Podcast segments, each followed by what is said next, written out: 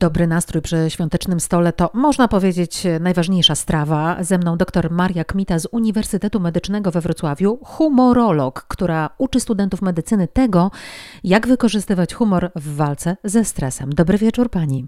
Dobry wieczór.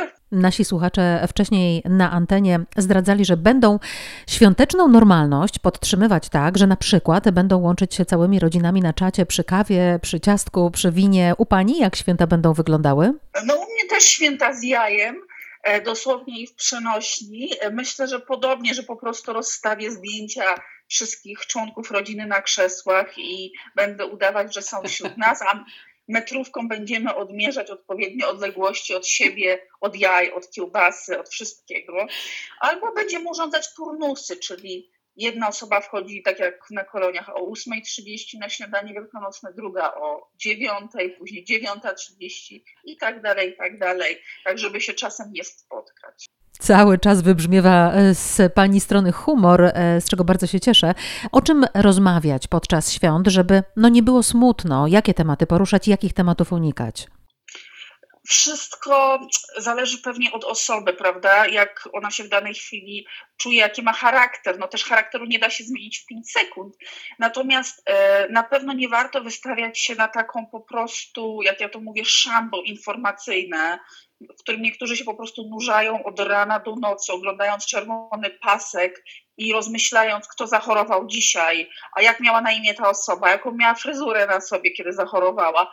No też nie przesadzajmy po prostu, kiedy wystawiamy się na tyle negatywnych informacji, oczywiście sprawia to, że mamy negatywny nastrój, negatywne nastawienie do wszystkiego, to powoduje stres. Stres z kolei właśnie obniża tą odporność i tym bardziej jesteśmy narażeni na różne choroby, więc na pewno warto się śmiać i warto się śmiać ze wszystkiego, byleby poprawić oczywiście nasz e, nastrój i sprawić, że e, no, przez chwilę chociaż nie będziemy myśleć o tej e, strasznej sytuacji a no właśnie, wejdę pani w słowo, bo e, przypominam sobie sytuację, kiedy to ostatnio Facebook opanowała e, moda wyzwań i jedni drugim rzucali wyzwanie, by pokazywać zdjęcia z dzieciństwa. Na pewno pani to e, widziała. I wtedy jedna z osób napisała komentarz mniej więcej w takim stylu: Co wy robicie? Ludzie umierają, a wy rzucacie sobie jakieś niepoważne wyzwania.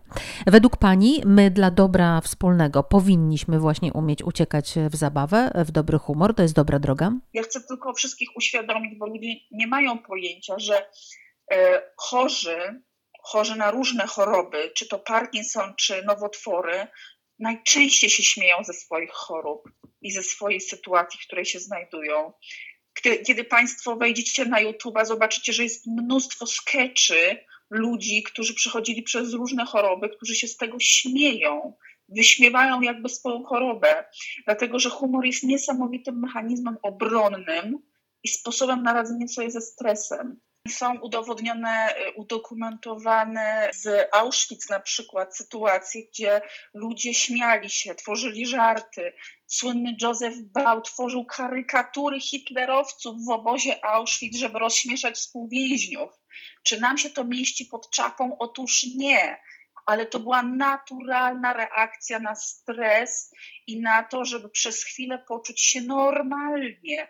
My tego potrzebujemy. Humor normalizuje rzeczywistość. Dlatego wręcz zalecam, żeby właśnie cały czas oglądać memy, cały czas oglądać komedie i kabarety, bo to nam nastrój podnosi i sprawia, że o czymś innym myślimy. Teraz właśnie z Uniwersytetem Medycznym stworzyłam taki konkurs e, dla i pracowników e, uczelni, czyli lekarzy, e, ale też profesorów i dla studentów e, wszystkich kierunków medycznych, żeby e, przygotować świadectwo pozytywne, bardzo pozytywne w czasach zarazy.